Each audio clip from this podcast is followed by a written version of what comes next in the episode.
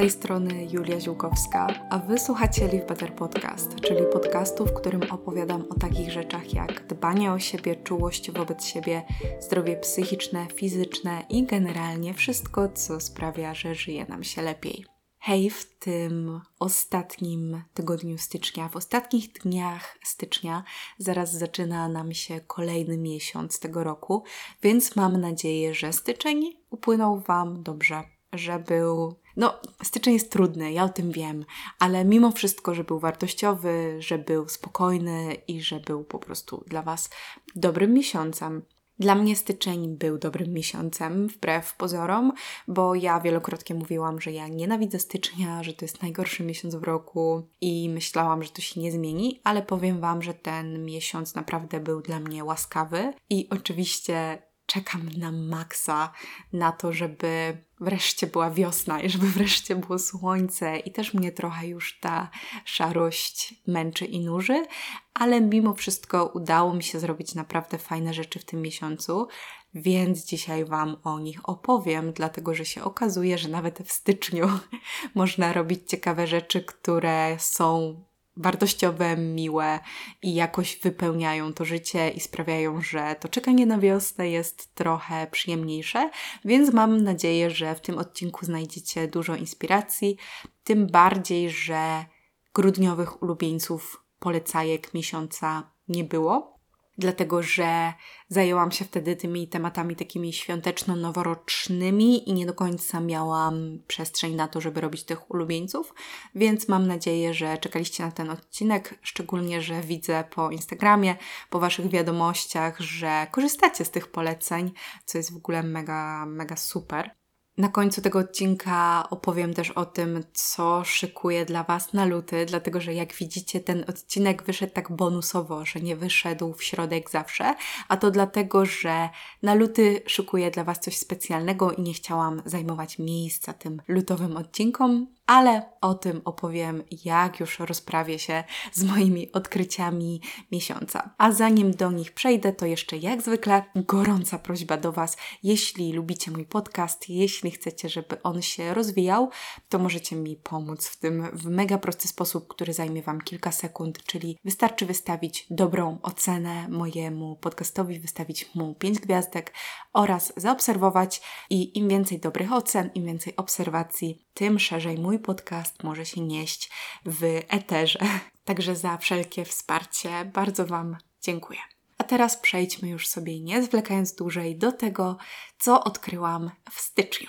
Zacznijmy może trochę od prywaty, czyli od tego, że w styczniu spełniłam w końcu moje wieloletnie plany i moje wieloletnie marzenie i wystartowałam w końcu z kanałem na YouTubie. Tutaj proszę bardzo jakieś werble, jakieś oklaski, dlatego że ja po pięciu latach w końcu zdecydowałam się na to, żeby z tym YouTube'em ruszyć, dlatego jest to dla mnie ogromne wydarzenie tego miesiąca i mam nadzieję, że odwiedzicie mój kanał. Oczywiście kanał na YouTubie ma poruszać takie tematy, które już dobrze znacie z innych moich mediów, czyli jak zwykle wellness, dbanie o siebie, zdrowie, ale też zrównoważona moda, ale bez obaw. YouTube nie ma być powieleniem tych tematów. To nie jest tak, że to będzie jeden do jednego, że na przykład jeśli słuchacie moich podcastów, to na YouTubie nie znajdziecie nic nowego dla siebie. Tak nie będzie. YouTube ma być czymś nowym, YouTube ma być dodaną wartością, więc nawet jeśli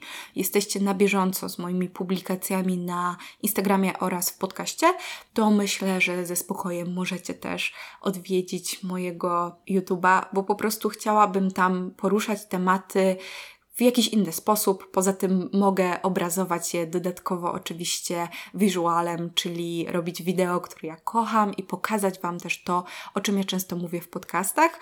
Więc koniecznie odwiedźcie mojego YouTube'a, obejrzyjcie pierwsze wideo, zasubskrybujcie, dajcie znać, jak Wam się podoba, bo no nie ukrywam, ogromnie liczę na to, że ten kanał na YouTubie będzie czymś takim nowym, świeżym i innym i że Wam się spodoba, także odsyłam do opisu odcinka, w którym znajdziecie link do mojego kanału na YouTubie. Co ciekawe, styczeń upłynął mi pod znakiem słuchania. Mam wrażenie, że w styczniu ten zmysł słuchu był najbardziej używany przeze mnie i jakoś tak był bardzo na pierwszym planie, a to za sprawą dwóch zakupów nowych, czyli słuchawek Marshall i głośnika tej samej firmy. Na słuchawki czaiłam się już od dawna, bo ja używałam wcześniej przez dwa lata AirPodsów, ale miałam ochotę na coś, co będzie miało trochę lepszy dźwięk i będzie bardziej wygłuszało otoczenie. I zdecydowałam się na Marshall Major 4. Ja dostałam te słuchawki od mojego chłopaka, w ogóle te słuchawki są z drugiej ręki, także też się bardzo cieszę, że tej nowej elektroniki aż tak dużo y, nie zbieram. No i te słuchawki myślę, że są naprawdę godne polecenia, bo mają bardzo dobrą jakość za naprawdę spoko cenę, dlatego że te słuchawki kosztują między 500 a 600 zł, gdzie inne słuchawki często kosztują 1000 zł, 1500, a naprawdę uważam, że te Marshale mają bardzo, bardzo fajną jakość. Jedyne co, na co musicie uważać, jeśli też chcecie kupić te słuchawki, to jest to, że one są dosyć małe. A przez to, że są małe, to nie zasłaniają całych uszu i one je dociskają do głowy. Więc jeśli szukacie jakichś słuchawek, w których możecie na przykład pracować przez 8 godzin, to to nie będą te, dlatego że po 2-3 godzinach ten ucisk staje się już taki dosyć uciążliwy i na przykład dla mnie spoko, bo ja nie pracuję za bardzo w słuchawkach, tylko ja na przykład chodzę na spacery, które trwają godzinę, dwie i jeszcze wtedy jest w porządku, ale jak na przykład jadę już pociągiem i podróż trwa 3-4 godziny, to ja po 3 godzinach już muszę zdjąć te słuchawki, więc to jest taki disclaimer, coś na co warto zwrócić uwagę, ale poza tym te słuchawki są naprawdę super i zaraz opowiem o nich jeszcze w innym kontekście. Z kolei głośnik kupiliśmy sobie w końcu z moim chłopakiem, też po latach dyskutowania nad tym, czy kupować głośnik bezprzewodowy, dlatego że mamy taką wieżę na kablu z głośnikami i ona jest taka strasznie nieporęczna, nie mamy gdzie jej postawić i czasem stawialiśmy ją, jak robiliśmy jakieś domówki, po to, żeby nie puszczać muzyki z komputera, która brzmiała kiepsko, ale generalnie ona się kurzyła gdzieś w kącie odłączona, więc w końcu zdecydowaliśmy się na ten głośnik przenośny Marshalla, taki mały. Nie pamiętam, co to jest za model, ale Wam podlinkuję. I to się okazało strzałem w dziesiątkę, dlatego że ja kocham otaczać się muzyką. Może to jest coś, czego o mnie nie wiecie, bo ja chyba o tym wcale nie opowiadam, ale ja kocham otaczać się muzyką i mam wrażenie, że odkąd mamy ten głośnik, to muzyka gra praktycznie od czasu jak wstanę, aż do wieczora. Ja jakoś tak no po prostu lubię, jak ta muzyka jest w tle. Może to jest jakiś znak, że po prostu nie lubię za bardzo ciszy, wiem po sobie, że kiedy jestem skupiona, kiedy dużo pracuję, to ta muzyka mi po prostu pomaga gdzieś tak wejść w ten nastrój i się jakoś mniej rozpraszać. Przynajmniej na mnie ona tak działa. No i ten głośnik generalnie jest naprawdę bardzo wygodny. Mimo małego rozmiaru ma też świetny dźwięk i ja się mega cieszę, że teraz w domu wreszcie mogę słuchać muzyki nie z laptopa i naprawdę jakoś tak, nie wiem, poprawia mi to humor, poprawia mi to, mam wrażenie, jakość życia, Także jeśli Wy też lubicie tak słuchać muzyki, no to taki mały przenośny głośnik to jest naprawdę mega fajna sprawa moim zdaniem. Kolejna rzecz, o której chcę opowiedzieć, też się wiąże ze słuchaniem i ze słuchawkami, dlatego że słuchajcie, w styczniu zaczęłam w końcu słuchać audiobooków, czyli zrobiłam coś, czego nie robiłam przez całe moje życie. Ja nie lubiłam audiobooków, nie rozumiałam, dlaczego audiobooki w ogóle istnieją. Dla mnie audiobooki były niższą formą czytania dla ludzi, którzy nie są w stanie przebrnąć przez książkę, a mnie to nigdy nie dotyczyło, dlatego że ja zawsze byłam molem książkowym i czułam po prostu jakąś taką wyższość, że te książki papierowe i czytanie tradycyjne jest lepsze niż słuchanie książek. Też miałam wrażenie, że audiobooki są nagrane jakoś tak zawsze płasko i że ja nie będę w stanie się skupić na audiobooku, bo lektor mnie w ogóle nie zainteresuje i że będę zapamiętywała o wiele mniej informacji niż jakbym czytała. Dlatego byłam przez całe życie bardzo niechętna w stosunku do audiobooków, ale słuchajcie, postanowiłam w tym miesiącu wypróbować słuchania. Dlaczego? No dlatego, że właśnie zaczęłam chodzić wszędzie też w moich nowych słuchawkach i ja kocham słuchać podcastów, ale jestem jednocześnie straszliwie wybredna, jeśli chodzi o to, czego słucham. Mogę na palcach jednej ręki policzyć podcasty, które lubię. No i jak sobie pomyślimy, że te podcasty wychodzą najczęściej raz w tygodniu i trwają około godziny, to łatwo sobie policzyć, że nie mam czego słuchać, dlatego że bardzo szybko przesłuchuję te podcasty moje ulubione, które wychodzą i potem zostaję z niczym. Więc pomyślałam, że w sumie audiobook to jest trochę jak taki podcast, tylko trwający o wiele dłużej i zajmujący mnie na dłużej. I stwierdziłam, że w formie audiobooka posłucham sobie po prostu książek, do których nigdy nie miałam cierpliwości, których nigdy nie mogłam skończyć. I do tych książek należą głównie poradniki i beletrystyka, dlatego że ja jestem jednak fanką opowieści fabularnych i zawsze jakoś tak łatwiej mi jest się na nich skupić. I nawet jak zaczynałam właśnie czytać jakieś poradniki i nawet jak temat mnie interesował, to jak zawsze na przykład chodzę do łóżka wieczorem i zawsze muszę coś przeczytać, to ja się już nie mogłam wieczorami skupić na tych poradnikach, więc sięgałam po moją fikcję i te poradniki jakoś zostały rzucone w kąt i ja nigdy nie mogłam ich dokończyć. I słuchajcie, okazało się, że audiobooki to jest dla mnie perfekcyjna forma, żeby właśnie przyswoić w końcu te książki, żeby w końcu je cudzysłów przeczytać i nie musząc niczego poświęcać, dlatego że ja słucham audiobooków w tym czasie, w którym ja i tak nie mogłabym normalnie czytać książek. Czyli na przykład, gdy sprzątam dom, gdy idę na zakupy, gdy idę na spacer, ja w tym czasie tak czy siak nie jestem w stanie czytać, a jak wieczorami chcę po prostu sobie normalnie poczytać, to też to w niczym nie przeszkadza. Także ja sobie miksuję książki papierowe z audiobookami i jest to fantastyczne. Audiobooki mnie na maksa wciągnęły i jeśli lubicie słuchać podcastów, a zakładam, że jeśli w tej chwili słuchacie mojego podcastu, to lubicie słuchać takiej formy, to myślę, że to jest coś, do czego warto się przekonać i co warto wypróbować, jeśli też może niekoniecznie było Wam z audiobookami po drodze.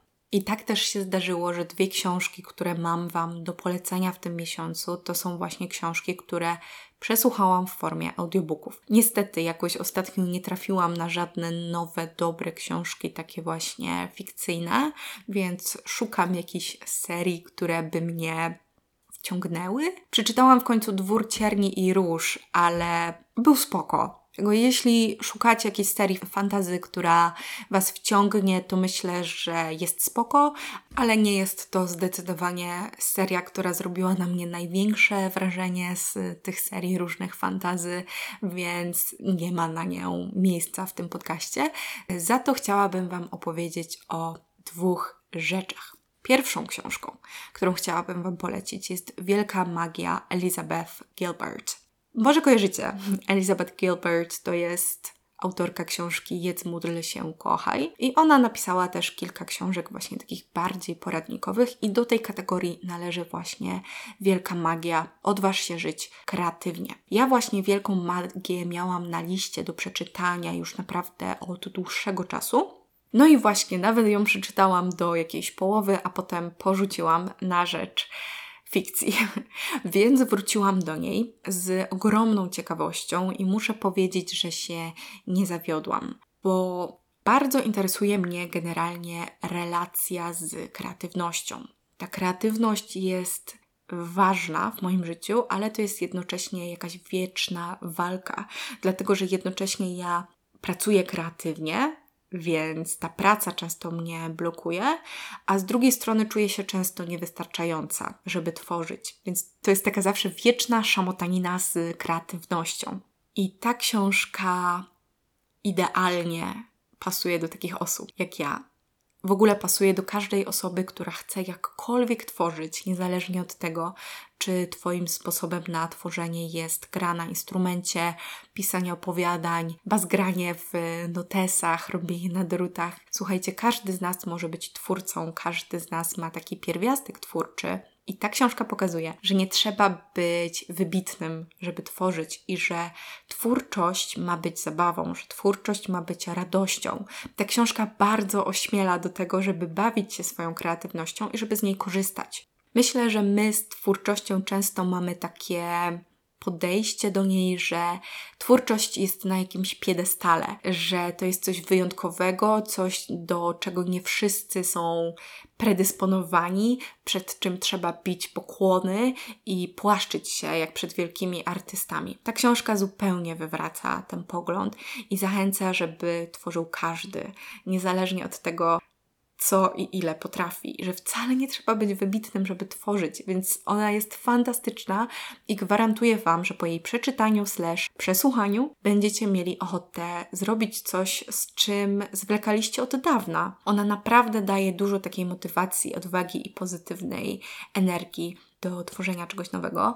Mi też bardzo przypadła do gustu idea, idea idei, dlatego że autorka pisze w książce o ideach, które szukają swojego właściciela, które szukają swojego wykonawcy i chodzą po ludziach od drzwi do drzwi, pukają, przedstawiają się i mówią, czy mnie zrealizujesz. Ale jeśli idea nie doczeka się zrealizowania, to pójdzie w końcu do kogoś innego.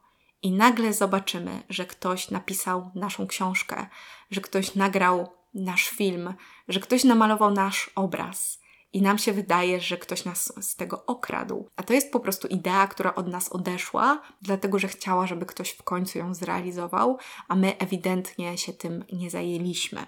Bardzo mi się podoba to przedstawienie tematu, dlatego że też w internecie jest bardzo dużo takich dyskusji a propos oryginalności, kopiowania itd., tak a to podejście do idei pokazuje, że ludzie mogą wpadać na takie same pomysły niezależnie od siebie, nawet będąc na dwóch różnych końcach świata, i to od nas zależy, czy jeśli do nas przyjdzie idea, to pozostawimy ją u siebie i ją zrealizujemy, czy się nią nie zajmiemy i sami będziemy sobie winni, jeśli ta idea pójdzie do kogoś innego. Więc myślę, że to jest takie bardzo motywujące do tego, żeby wcielać w życie swoje pomysły. I też, żeby po prostu się tak zaciekawiać, żeby się tak bawić tym e, tworzeniem, że to nie musi być nic wielkiego ani poważnego, tylko to może być wspaniała zabawa. I naprawdę z całego serca polecam tę książkę, bo jest naprawdę taka pełna pozytywnej energii i w formie audiobooka też jej się fantastycznie słucha. I druga książka, którą przesłuchałam, to My Body modelki Emily Ratajkowskiej. Przyznam, że ja o tej książce słyszałam sporo, ale jakoś nie mogłam się przekonać do tego, żeby po nią sięgnąć. I tutaj confession, bo zauważyłam, że kierowały mną typowe uprzedzenia. Dlatego, że Emily Ratajkowski jest top modelką, jest byłym aniołkiem e, Victoria's Secret. Wiecie, kobietą, która dużo pozowała w bieliźnie, która tańczyła nago w teledyskach, jest taką kobietą kojarzoną z seksapilem i zauważyłam, że ja miałam w sobie od razu takie myśli, że nie wierzyłam w to, żeby ona mogła być inteligentna i żeby ta książka rzeczywiście była mądra, a nie tylko pseudo mądra. I to jest w ogóle też ciekawe, bo ja jestem osobą bardzo świadomą i zobaczcie, że nawet jak się jest osobą świadomą i taką uważną, to takie myśli do nas przychodzą, bo to wszystko jest w nas tak bardzo zinternalizowane, że to jest straszne. Niemniej w końcu sięgnęłam po tą książkę i zaczęłam ją właśnie słuchać w formie audiobooka i muszę przyznać, że porwała mnie od pierwszych stron, że mnie wciągnęła i nie chciała puścić. Ta książka to jest osobisty i intymny zapis relacji z ciałem, też rozmowa o postrzeganiu kobiecego ciała przez społeczeństwo i rozmyślania o tym, czy w porządku jest, gdy kobieta rozporządza własnym ciałem i zarabia na nim pieniądze, a na ile jest tak, że na przykład sama jest sobie winna uprzedmiotowianiu tego ciała. Ta książka, słuchajcie, nie jest jednoznaczna i ta książka nie udziela gotowych odpowiedzi, i zauważyłam, że to wiele ludzi frustruje, bo czytałam komentarze o tej książce i widziałam, że wiele osób właśnie miało w sobie taką frustrację i niezrozumienie tego. Czytałam takie opinie, że modelka sama nie umie się zdecydować, czy ona kocha swoje życie, czy ona go nienawidzi, czy uważa, że spoko jest spieniężać swoje ciało, czy jednak uznaje, że to jest bez sensu i że lepiej się tym nie zajmować. Ale właśnie mi się to podoba, dlatego że pokazane są tutaj rozterki i to nie wyklucza drugiego. Może dlatego, że ja mam dosyć podobne przeżycia do Emily. Oczywiście ja nie jestem, wiecie, światową pięknością, która się rozbiera przed kamerami i, i pozowała na okładkach, więc to jest niewspółmiernie mniejszy kaliber, ale jednocześnie rozumiem, jak to jest być ocenianą przez własną, przez pryzmat własnej cielesności i tego, kiedy ktoś mówi mi, co ja mogę robić z moim ciałem, a czego ja nie mogę robić z moim ciałem, jak też znam rozterki związane z zarabianiem na Instagramie, które ma też Emily, bo na przykład Emily opowiada, tak dosyć by się wydawało niefrasobliwie o tym, jak wystarczy, że zapozuje w bikini, wypnie tyłek i zarabia dużo pieniędzy, ale zaraz potem zastanawia się, jaki to wszystko ma sens i jaki jest tego koszt taki realny. I ja rozumiem te rozterki. Wydaje mi się, że być może wiele osób nie potrafi zrozumieć tych rozterek i jest wkurzonych, kiedy czyta takie fragmenty. I rzeczywiście tam są takie fragmenty w stylu poprosiłam mojego chłopaka, żeby zrobił mi zdjęcie, wypięłam tyłek i poprawiłam majtki, żeby jak najlepiej się prezentował, wydełam kusząco usta i wiecie, to wtedy można przewrócić oczami i pomyśleć sobie, Boże, co za idiotka, i ja to naprawdę rozumiem, ale radziłabym nie podchodzić aż tak powierzchownie do tej książki i myślę, że każdy może wyrobić sobie na ten temat opinię. Moja opinia nie jest bynajmniej jednoznaczna, ale to dokładnie jak ta książka. Ta książka nie zostawia odpowiedzi. Niektórzy mówią, że ta książka jest skrajnie antyfeministyczna. Inni mówią, że jest feministyczna. Jedni mówią, że jest o uprzedmiotowaniu kobiecego ciała, inni mówią, że jest o uwolnieniu tego ciała. Więc myślę, że każdy może to zinterpretować jak chce, bo każdy ma jakieś swoje własne odczucia, myśli, opinie itd. Tak Niemniej uważam, że, że ta książka jest warta przeczytania Mimo, że właśnie czytałam opinię, że Emily jest głupia, że jest pseudopisarką, że książka nie jest nic warta. Oczywiście subtelne żarciki w stylu Boże, widzisz, a nie grzmisz, a Bóg odpowiada widzę, ale plastik nie przewodzi prądu i Dlatego ja się szczerze mówiąc nie sugerowałam tymi komentarzami, bo one nie były dla mnie warte tego, żeby, żeby wziąć je pod uwagę, bo ewidentnie były jednak kierowane tym, że Emily na pewno jest pusta i głupia, skoro wygląda jak wygląda. Nie wiem, czy ta książka Wam się spodoba, ale myślę, że jest to pozycja, po którą warto sięgnąć, jeśli tematyka kobiecego ciała i jego postrzegania Was interesuje, żebyście mogły sobie wyrobić swoją własną opinię na ten temat. Nie wiem, czy to będzie zgrabny przeskok tematyczny, być może nie, ale wybaczcie mi, ale jak jesteśmy przy ciele, to przy ciele zostajemy, bo chciałam Wam opowiedzieć o kolejnej rzeczy, którą w styczniu odkryłam i bardzo polubiłam, czyli o masażu twarzy. Kto mnie obserwuje regularnie, ten może zauważył, że od stycznia zabrałam się porządnie za nawyki, zarówno te, które już miałam w życiu, jak i za te, które chciałam w życie wprowadzić. I jednym z tych nowych nawyków, które chciałam, żeby się pojawiły w mojej codzienności, był, słuchajcie, właśnie masaż twarzy. Ja nigdy w życiu nie robiłam masaży twarzy regularnie. Zdarzało mi się to raz na czas jakiś i to tak wiecie, raczej raz na rok niż raz na tydzień albo raz na miesiąc, ale chodzę regularnie na face modeling, chodzę raz na czas jakiś na Kobido, no i ja uwielbiam ten efekt który widzę po zabiegach, czyli właśnie to rozluźnienie napięć, ten podniesiony owal twarzy, taki jakby lifting, to, że ta skóra jest bardziej promienna, ten drenaż limfatyczny, dzięki któremu moja twarz nie jest taka opuchnięta. I stwierdziłam, że trochę bez sensu, że ja chodzę na te zabiegi i nie próbuję podtrzymać ich efektów w domu. Szczególnie, że no jednak chodzę tanie raz na miesiąc, raz na dwa miesiące. No i że nic mnie to nie kosztuje, żeby zacząć masować twarz w domu. Szczególnie, że jak ze wstydem pojęłam, mam zawsze czas na dodatkowe 10 minut scrollowania, więc dlaczego nie mam czasu na 10 minut masażu mojej twarzy? Masaż twarzy jest super, dlatego że właśnie rozluźnia napięcia, które zbierają się w mięśniach, również na twarzy, co jest dosyć oczywiste, no bo często ze stresu zaciskamy szczęki, marszczymy czoło. Tych napięć może być o wiele więcej niż nam się wydaje, więc możemy je codziennie niwelować. A po drugie, masaż oczywiście stymuluje zarówno skórę, jak i mięśnie, dzięki czemu ta skóra jest w lepszej kondycji, jest bardziej promienna, nawilżona, dotleniona, ma mniej zmarszczek i po prostu wygląda lepiej. Możemy zaobserwować też ten taki naturalny lifting, drenaż limfatyczny, dzięki któremu opuchlizna schodzi z twarzy i to wszystko za pomocą swoich własnych dłoni albo jakiegoś akcesorium do masażu i 10 minut przed lusterkiem. Także moim zdaniem, słuchajcie, warto. Ja robię ten masaż codziennie rano po pielęgnacji twarzy. Używam do tego olejku z adaptogenami z linii Hagi Smart i widzę, że mogę ze spokojem ten olejek zostawić na skórze, nic mnie nie zapycha, nie jest tłusty, także bardzo fajnie się na nim pracuje i używam do tego albo guasza, które jest pewnie wszystkim dobrze znane, czyli to taka płytka, która się wywodzi z medycyny chińskiej, albo ostatnio zaczęłam używać też, dostałam od Purnama Rituals Kansa Wands, czyli taki masażer, który się wywodzi z ayurvedy. To jest taka półkolista głowica na drewnianej rączce.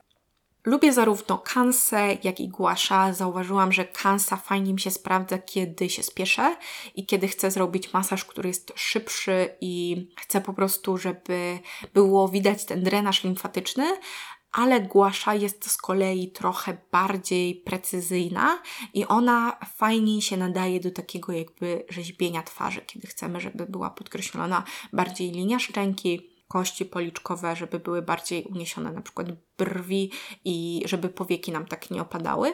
E, więc ja tutaj używam tego naprzemiennie, zależnie od tego, jaki mam nastrój, ile mam czasu i na co mam ochotę. Słuchajcie, ja już po tygodniu zauważyłam, że moja twarz zaczyna już na stałe jakby wyglądać właśnie tak po tym masażu, e, utrzymywać te efekty, czyli właśnie ten efekt tego drenażu limfatycznego, że zniknęła mi ta taka opuchlizna z twarzy, że policzki stały się bardziej zarysowane, tak samo szczęka, że nie mam takiej, takiego jakby wiecie, takiego luźnego podbródka, jaki się często robi i że skóra jest bardziej promienna i taka, taka po prostu lśniąca, nawilżona, bardzo dobrze wygląda. I jak na początku robiłam ten masaż, to jakby co rano się budziłam znowu opuchnięta, a właśnie po kilku dniach zauważyłam, że tej porannej opuchlizny nie ma i że te rysy twarzy stały się jakby takie bardziej widoczne, więc fajne jest to, że mega szybko widać te rezultaty. No i warto robić to po prostu codziennie dla podtrzymania tych efektów. Ja Wam podlinkuję wideo, z którego korzystam, kiedy robię masaż zarówno kansą, jak i głasza, ale to nie są, wiecie, jakieś sekretne wideo. Jak sobie wpiszecie po prostu face massage głasza, czy tam wiecie, dłońmi, czy cokolwiek, to Wam to wyskoczy. Także możecie sobie, myślę, dobrać po prostu filmik na YouTubie, który najbardziej Wam podpasuje. Nie musicie się sugerować tym, co ja robię. Możecie znaleźć coś, co trwa 5 minut, coś, co trwa 15 albo 30, zależnie od tego, jakie macie jaki macie humor, ochotę, ile macie czasu, jak bardzo chcecie się sobą zająć. No i też warto pomyśleć o takim masażu twarzy jako takim czasie ze sobą, sam na sam, w którym po prostu opiekujemy się sobą, w którym dajemy sobie coś dobrego. Można sobie właśnie puścić w tle delikatną muzykę, zrobić sobie jakąś smaczną herbatę i zrobić z tego taki codzienny, relaksujący rytuał zamiast jakiegoś takiego obowiązku. I myślę, że że może to Wam poprawi po prostu dzień, bo będziecie czuć, że codziennie robicie coś dla siebie. W razie czego te masaże można robić zarówno rano, jak i wieczorem. Ja robię rano po to, żeby rzeczywiście jakąś ewentualną opuchliznę zniwelować i po to, żeby właśnie widzieć od razu ten taki efekt takiej promiennej skóry ale jeśli nie macie czasu robić tego rano, to możecie robić to jak najbardziej wieczorem, byle nie tuż przed pójściem spać, dlatego że wtedy być może ta limfa może nie spłynąć dostatecznie i obudzicie się z bardziej opuchniętą twarzą niż zwykle. Dlatego na to warto uważać. Styczeń był też miesiącem moich urodzin i z tym jest związany następny ulubieniec, czyli zdecydowałam się świętować moje urodziny przez cały tydzień. Słuchajcie, ja, jak mówiłam, nienawidzę stycznia i uważam, że to, że mam urodziny w styczniu, to jest po prostu jakaś kara od losu, że nie mogę zrobić w czasie moich urodzin pikniku, że nie mogę pójść posiedzieć na dworze, kiedy jest pięknie, tylko jest po prostu szaro, zimno, obrzydliwie i na nic człowiek nie ma ochoty. No ale nic na to nie poradzę. No mam urodziny w styczniu i koniec kropka. Nie jestem też typem osoby, która jest w stanie przełożyć sobie świętowanie urodzin. Wiele osób mi mówiło, że mogę sobie przełożyć świętowanie urodzin na lato, ale jakoś mnie nie przekonuje to, żeby świętować urodziny pół roku po tym, jakie mam, więc stwierdziłam, że muszę po prostu pracować z tym, co mam tu i teraz i wyciągnąć wszystko, co najlepsze. I często jest tak, że w ten jeden dzień, ten dzień urodzin, coś może pójść nie tak, że nie jest tak idealnie, jakby się chciało, więc stwierdziłam, że po prostu zamiast skupiać się na tym jednym, jedynym dniu w ciągu roku, to zrobię sobie cały przyjemny tydzień, po to, żeby rozpieścić się do granic możliwości i żeby tak uprzyjemnić sobie jak najbardziej ten okres i, i po prostu się tym jak najdłużej cieszyć.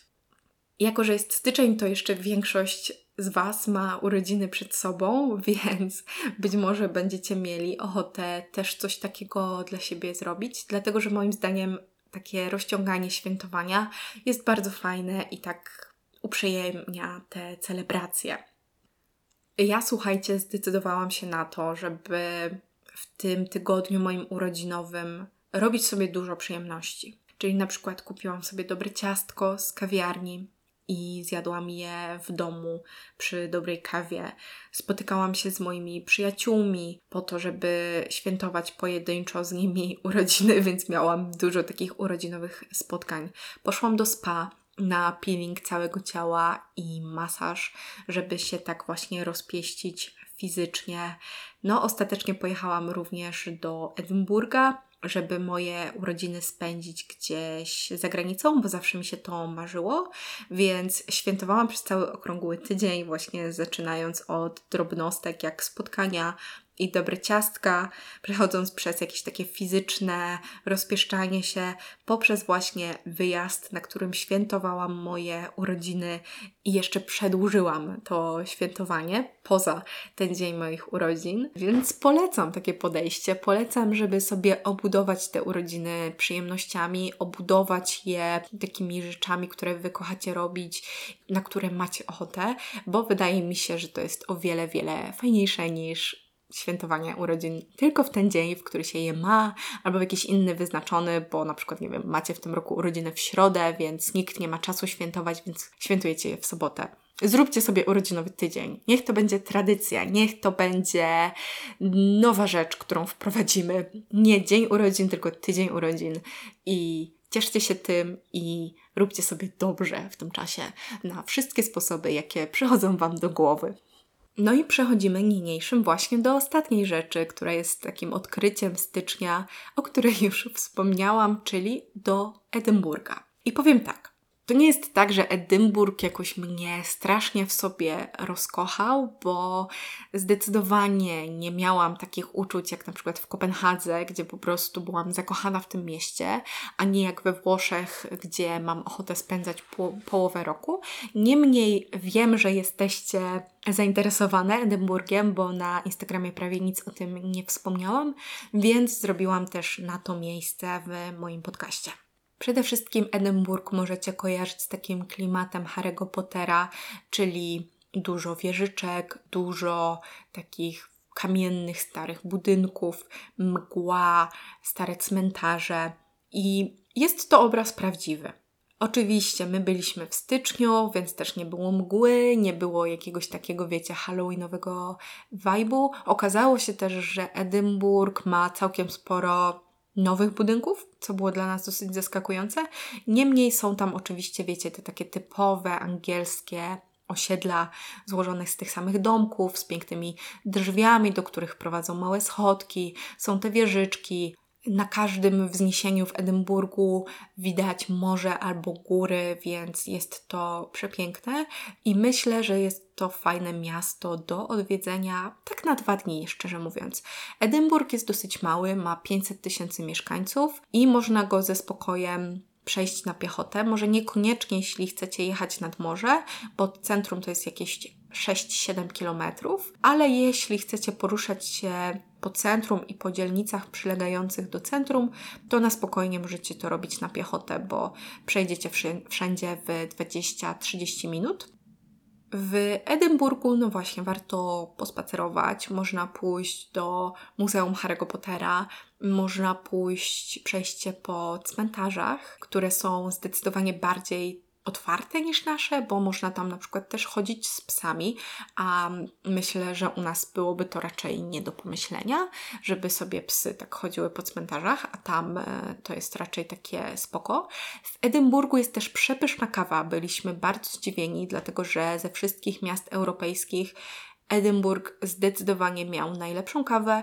Pobił Berlin, pobił Kopenhagę i bardzo nas to zaskoczyło. Trafiliśmy też na naprawdę dobre jedzenie. Restauracja, która nas najbardziej zauroczyła, to jest La Locanda w samym centrum Edynburga. Jest to oczywiście restauracja włoska, w której są przepyszne, ręcznie robione makarony, wspaniałe wino, wspaniałe desery, więc jeśli wybieracie się do Edynburga, to polecałabym sobie tam skoczyć na jakiś obiad czy kolację. W Edynburgu powiedziałabym, że jest dosyć drogo dlatego że ceny są powiedzmy podobne jak w euro, ale są w funtach, czyli jest jeszcze jednak trochę drożej i za śniadanie trzeba na przykład zapłacić około 10 funtów, za kawę między 3 a 4, 4,5 funta, czyli to jest powiedzmy podobnie jak w Polsce. Za obiad, no tu już by było takie 15-20 funtów, czyli generalnie jest trochę drożej moim zdaniem niż na przykład w, gdzieś tam na zachodzie Europy w stylu Francja, Hiszpania czy Włochy. No ale tutaj mamy jednak funty, jesteśmy też poza Unią Europejską, o czym warto pamiętać, że jeśli chcecie tam korzystać swobodnie z internetu, to potrzebujecie nowej karty SIM. No ale moim zdaniem oczywiście nie jest to potrzebne, dlatego że prawie każda knajpa ma Wi-Fi i można ze spokojem funkcjonować po prostu na tym Wi-Fi, które gdzieś tam jest dostępne z miejsca na miejsce. Zresztą parę lat temu wszyscy tak funkcjonowaliśmy, kiedy jeszcze w Unii Europejskiej nie było darmowego internetu wszędzie. Także moim zdaniem nie trzeba tego robić. No i właśnie ten Edynburg jest na tyle mały, że moim zdaniem dwa dni wystarczą, takie dwa pełne dni. My trzeciego dnia już się trochę nudziliśmy, już trochę nie mieliśmy co z sobą zrobić, ale może to jest też kwestia tego, że to był jednak styczeń. Zima nie jest najbardziej łaskawym czasem, bo nie można wypełnić sobie czasu siedzeniem w parku czy jakimiś takimi darmowymi aktywnościami, bo trzeba się albo kręcić po mieście, albo szukać ciepła w kawiarniach i restauracjach, albo wrócić do hotelu. Może w innych miesiącach przedstawiałoby się to inaczej. W każdym razie, jeśli macie ochotę na jakiś taki city break i pojechać gdzieś na weekend, to myślę, że Edynburg jest całkiem ciekawą opcją. Ja bym osobiście chciała tam pojechać jesienią, wtedy kiedy ten klimat jest taki halloweenowy, kiedy jest mgła, kiedy są żółte liście na drzewach i kiedy jest tak tajemniczo, ale myślę, że pogoda może wtedy nie dopisywać, bo to jest jednak Szkocja, więc mamy wiatr, mamy deszcz. Nam się udało z pogodą bardzo dobrze, bo było słonecznie, ale w Szkocji pogoda może nas naprawdę zaskoczyć, więc myślę, że pewnie wiosna i lato są trochę bardziej bezpieczne. Tam jest całkiem sporo zieleni, w Edynburgu można też pojechać na plażę, więc takie cieplejsze miesiące myślę, że są ciekawsze po prostu. I z takich rzeczy, które nas bardzo w Edynburgu uwiodły, no to to jest to, że Szkocja jest oczywiście stolicą wełny i kaszmiru, w związku z czym można dosyć tanio zaopatrzyć się w różne kaszmirowe i wełniane szaliki, koce, swetry, dlatego że tam jest to zdecydowanie tańsze niż u nas, dlatego że jest to oczywiście lokalne, więc to jest taka ciekawostka, co warto się na przykład zaopatrzyć w Szkocji. Dodam jeszcze, że ja mówię tutaj o Edynburgu bez jakiegoś szczególnego entuzjazmu, dlatego że ten wyjazd był najbardziej pechowym wyjazdem w naszym życiu, dlatego że po prostu ilość jakichś dziwnych zbiegów okoliczności była, była naprawdę już, to było już za dużo dla nas, dlatego że gdy lecieliśmy do Edynburga, kobieta siedząca koło mnie zemdlała i trzeba było ją reanimować i mnie też przerzucali w tym samolocie na różne miejsca, on był pełny, tam było ciężko. Potem jak byliśmy w hotelu, to był alarm przeciwpożarowy, ewakuacja, musiała przyjechać straż pożarna. A gdy już wracaliśmy do Poznania, to okazało się, że nie wpuścili nas na nasz lot, dlatego że też od początku wszystko szło absolutnie pod górkę, bo najpierw nie przyjechały aż trzy tramwaje, które miały przyjechać, które wiozą pasażerów na lotnisko. Potem na kontroli bagażowej przetrzepali nas obydwoje, wzięli na bok i strasznie, strasznie długo to trwało. Po czym, jak biegliśmy sprintem do bramek, to one były już zamknięte, mimo że do odlotu było prawie pół godziny, a w aplikacji Ryanaira jest napisane, że bramki zamykają się 20 minut przed odlotem, także nie wpuścili nas na ten lot. Musieliśmy lecieć do Gdańska zamiast do Poznania, wracać stamtąd jeszcze pociągiem. To było strasznie stresujące, strasznie męczące, więc przyznam, że to doświadczenie też sprawia, że ja nie mówię z takim entuzjazmem o tym Edynburgu i może nie czujecie się aż tak bardzo natchnieni, żeby tam polecieć wtedy, kiedy o tym opowiadam, ale pooglądajcie sobie jakieś wideo, jakieś reelsy z Edynburga z takim właśnie mrocznym klimatem Harry'ego Pottera, to myślę, że być może Wam się też zachce. Jeśli lubicie takie klimaty, to możliwe, że to będzie przyjemne miasto dla Was. Słuchajcie, jeśli chodzi o ulubieńców, o odkrycia stycznia, to to by było na tyle, więc mam nadzieję, że zaciekawiłam Was, że może poczuliście inspirację do przesłuchania sobie jakichś audiobooków, albo do otaczania się bardziej muzyką, albo właśnie do zaplanowania swojego urodzinowego tygodnia. A jeśli chodzi o to, co planuję dla Was na luty, to na luty, słuchajcie, planuję serię o relacjach, cykl o relacjach, dlatego że jak Was pytałam, co byście chcieli posłuchać, o czym byście chcieli posłuchać w moim podcaście, to było bardzo sporo odpowiedzi, że właśnie o relacjach, o przyjaźniach, o związkach. I stwierdziłam, że jako, że to jest miesiąc walentynkowy, taki miesiąc miłości, to zrobię taki cykl o relacjach. I nie chcę Wam tu jeszcze spoilerować, co dokładnie tam będzie. Ale nie będzie tak klisze, jak Wam się może wydawać. Myślę, że będzie fajnie, myślę, że będzie wartościowo, że będzie bardzo szczerze, więc wyczekujcie. Ja się nie mogę doczekać nagrywania tej serii. Myślę, że będzie ona wymagająca, bo trzeba będzie na pewno się do niej dobrze przygotować, ale Jestem przekonana, że Wam się spodoba. Także wyczekujcie. No i dziękuję Wam za przesłuchanie mojego dzisiejszego odcinka. W moim opisie Zostawiam Wam wszystkie potrzebne linki do moich wszystkich social mediów, jakie mogą Wam się zamarzyć. Także odsyłam Was na Instagrama, na YouTube'a i wszędzie indziej, gdzie macie ochotę, to wskakujcie. Ja bardzo chętnie zawsze Was widzę na wszystkich moich mediach. Czytam Wasze wiadomości, doceniam Wasze udostępnienia mojego podcastu. Także za to wsparcie ogromnie Wam dziękuję. Jeszcze raz dzięki za wysłuchanie i słyszymy się już w środę. Dobrego dnia dla Was. Hej!